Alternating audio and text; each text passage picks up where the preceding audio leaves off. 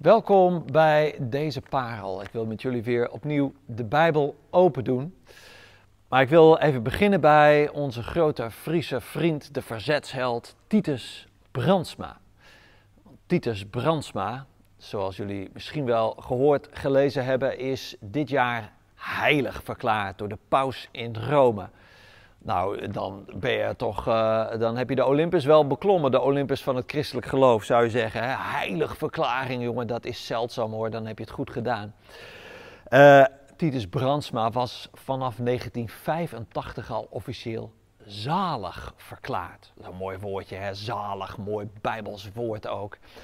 En het, dat is natuurlijk iets wat, wat voor uh, protestantse, baptistische, evangelische christenen, dat is een ver van mijn bedshow, heilig en zalig verklaringen. Jongen, wat moeten we daarmee? Wat betekent dat nou helemaal?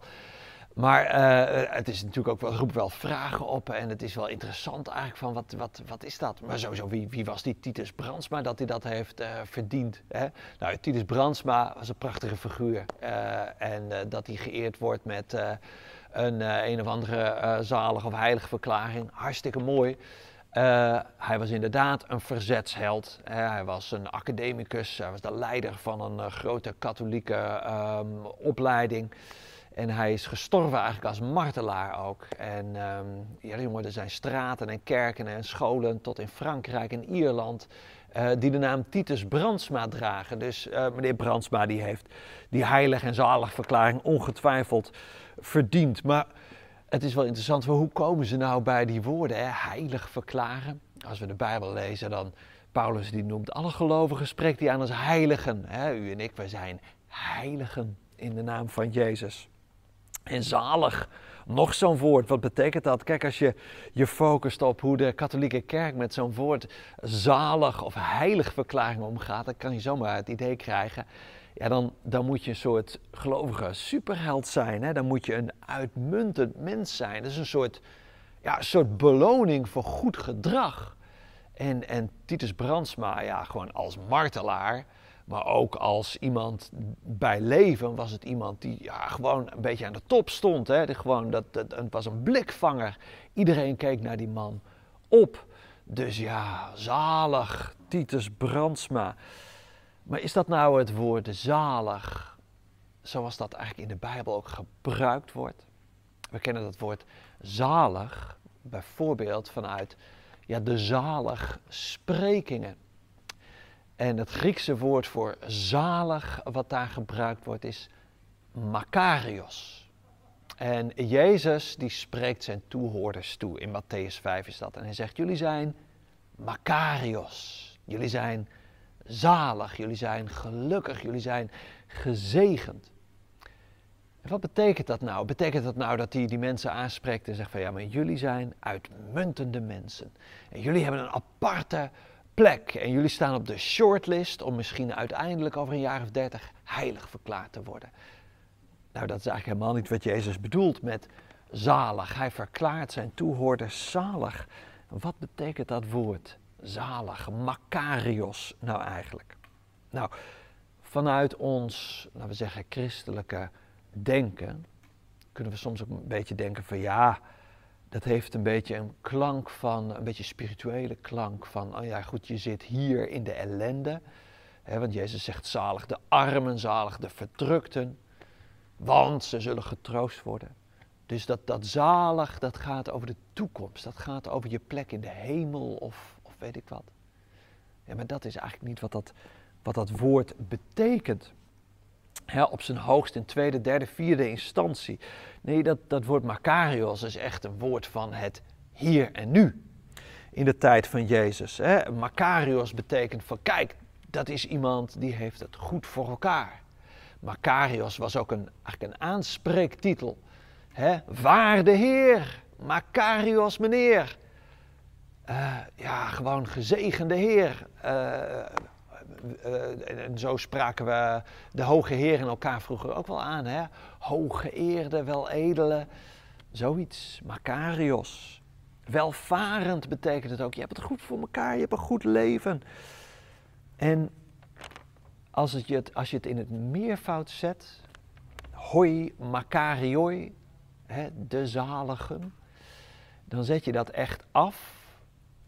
Nogmaals, in de tijd van Jezus, in het Grieks van toen, zet je het af tegen een categorie, wat je zou kunnen zeggen, hoi polloi, het gepeupel. He, gewoon de, ja, gewoon de, de mensenmassa, de mensen die er niet toe doen aan de ene kant en de Makarioi, de hoogopgeleiden, de edelen, de rijken, de machtigen. Dat zijn de Makarioi. En dan eens kijken, hè, als Jezus, als Jezus zijn zaligsprekingen uitspreekt, tot wie spreekt hij dan? Gelukkig, jullie armen, zegt hij in Lucas. Er zit het gepeupel zit aan zijn voeten. En ik lees even, zoals het in Matthäus staat, Matthäus 5. Gelukkig wie nederig van hart zijn, arm van geest, in de oude vertaling. En dat betekent ja, dat je hebt geleerd dat je eigenlijk niet zoveel waard bent. Dat je maar gepeupeld bent. Als je daar in je leven achter bent gekomen. Als, als je hebt gemerkt, ja, kennelijk ben ik niks bijzonders. Als dat je startpunt in je denken is, nederig van hart. Want voor hen is het koninkrijk van de hemel. Gelukkig, zalig de treurenden, want ze zullen getroost worden. Gelukkig Makarios, de zachtmoedigen, want zij zullen het land bezitten. Want van wie is het land? Nog even. Ja, van de Makarioi, van de, van de hoge heren, van, van de hoogopgeleiden, van de machtigen. Nee, nee, nee. Ik spreek nu jullie aan. De mensen die ja, gewoon geen cent op de bank hebben en amper een cent in hun zak. Eh, die niet eens voor elkaar krijgen om, om, om hier achter Jezus aan te lopen en, en, en, en ervoor te zorgen dat ze genoeg brood hebben om de volgende dag te halen. Die mensen spreek ik aan. En jullie zullen het land bezitten. Dit is de omgekeerde wereld. Jezus creëert met dat woord, jullie zijn zalig. Jullie zijn de Makario. Hij creëert een omgekeerde wereld. Gelukkig, zalig. Makarios, de barmhartigen, want zij zullen barmhartigheid ondervinden. Gelukkig wie zuiver van hart zijn, want zij zullen God zien. Het gaat om heel andere zaken in het koninkrijk van God. Het gaat niet om macht, het gaat niet om rijkdom, het gaat niet om status. Jezus wil gewoon al onze eerste instincten bevragen, afbreken, omkeren en zeggen: het zit precies andersom in elkaar. In de wereld van het koninkrijk. De omgekeerde wereld. En zo spreekt Jezus ook ons toe. En hij zegt ook tegen jou: Makarioi, gefeliciteerd. Gelukzalig ben je. En, en dat gaat niet over een plekje toekomstig in de hemel. Nee, juist als je daar zit op een plek waar je hebt te worstelen, waar je rouwt, waar je misschien armoede lijdt, waar je, waar je misschien je verdrukt of in een hoekje gedrukt voelt. Jezus zegt, jij hebt het door. Jij zit op de plek waar je moet zijn. Gefeliciteerd. Waarde Heer, hooggeachte dame. Jij hebt het geheim ontdekt op de plek waar jij nu bent van succesvol leven in het koninkrijk. Gefeliciteerd. En zo laat Jezus je achter en je denkt, ja maar hoe dan? Hoezo? Hoezo? Wat? Wat? Wat gefeliciteerd? Ik zit in de ellende, ik zit in de put. Waar feliciteer je me nou precies mee? Nou, precies dat. En het is niet een soort worst die Jezus je voorhoudt van, ach, want je zult getroost worden. Dat element zit er ook in.